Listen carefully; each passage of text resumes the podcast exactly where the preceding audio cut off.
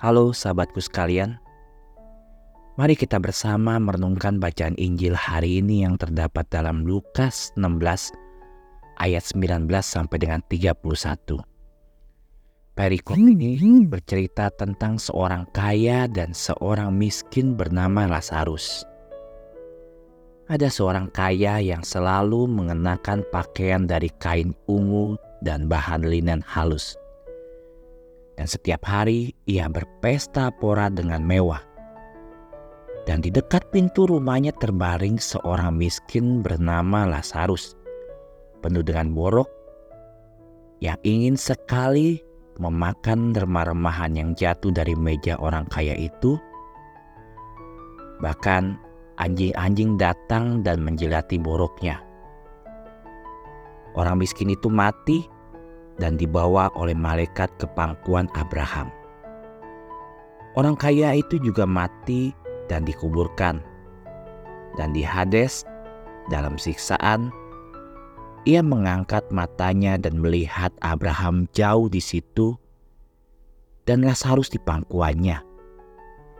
Ia berseru, Bapak Abraham, kasihanilah aku dan suruhlah Lazarus mencurupkan ujung jarinya ke dalam air dan menyejukkan lidahku, karena aku menderita dalam nyalanya api ini. Tetapi Abraham berkata, Anakku, ingatlah bahwa engkau dalam hidupmu telah menerima hal-hal yang baik, dan Lazarus demikian juga hal-hal yang buruk. Tetapi sekarang ia di sini dihibur dan engkau menderita. Yang berkata, Kalau begitu, mohon kepadamu Bapa untuk mengirimkan ke rumah ayahku, karena aku mempunyai lima saudara laki-laki, supaya ia dapat memperingatkan mereka, supaya mereka jangan masuk ke tempat siksaan ini. Tetapi Abraham berkata, mereka mempunyai Musa dan para nabi biarlah mereka mendengarkan mereka. Ia berkata, "Tidak, Bapak Abraham, tetapi jika seseorang pergi kepada mereka dari antara orang mati, mereka akan bertobat."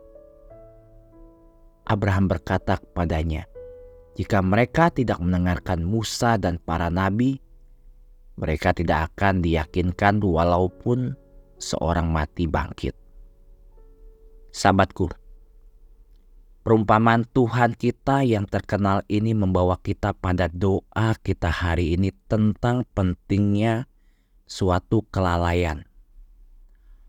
Orang kaya ini tidak jatuh ke dalam Hades atau neraka karena dia biasa mencemooh Lazarus atau karena dia menjadi kaya dengan memanfaatkan orang miskin atau karena dia mengusir orang miskin dari rumahnya. Kita bisa membayangkan orang kaya itu di penghakiman terakhir. Diberitahu bahwa ia tidak bisa masuk surga.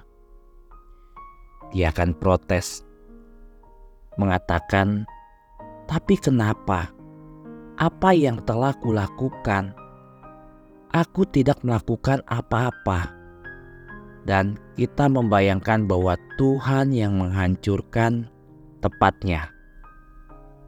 Santo Jose Maria biasa mengatakan bahwa neraka diaspal dengan dosa kelalaian. Seringkali kita tidak melakukan dosa ini karena kita memutuskan untuk tidak membantu. Biasanya karena kita tidak memperhatikan bahwa mereka membutuhkan bantuan kita baik material maupun lainnya, waktu, dorongan, kenyamanan, apresiasi, pengertian, senyuman. Setiap hari, orang membutuhkan bantuan kita. Berapa kali kita bisa melewatkan kesempatan untuk membantu orang lain jika kita tidak penuh perhatian? Kita kemudian menjadi seperti orang kaya dalam perumpamaan itu. Dia tidak pernah melihat kebutuhan Lazarus di depan pintu rumahnya. Dia terlalu sibuk memikirkan dirinya sendiri. Santa Maria, harapan kita, hamba Tuhan. Doakanlah kami agar kami dapat belajar melihat kebutuhan orang lain dan membantu mereka.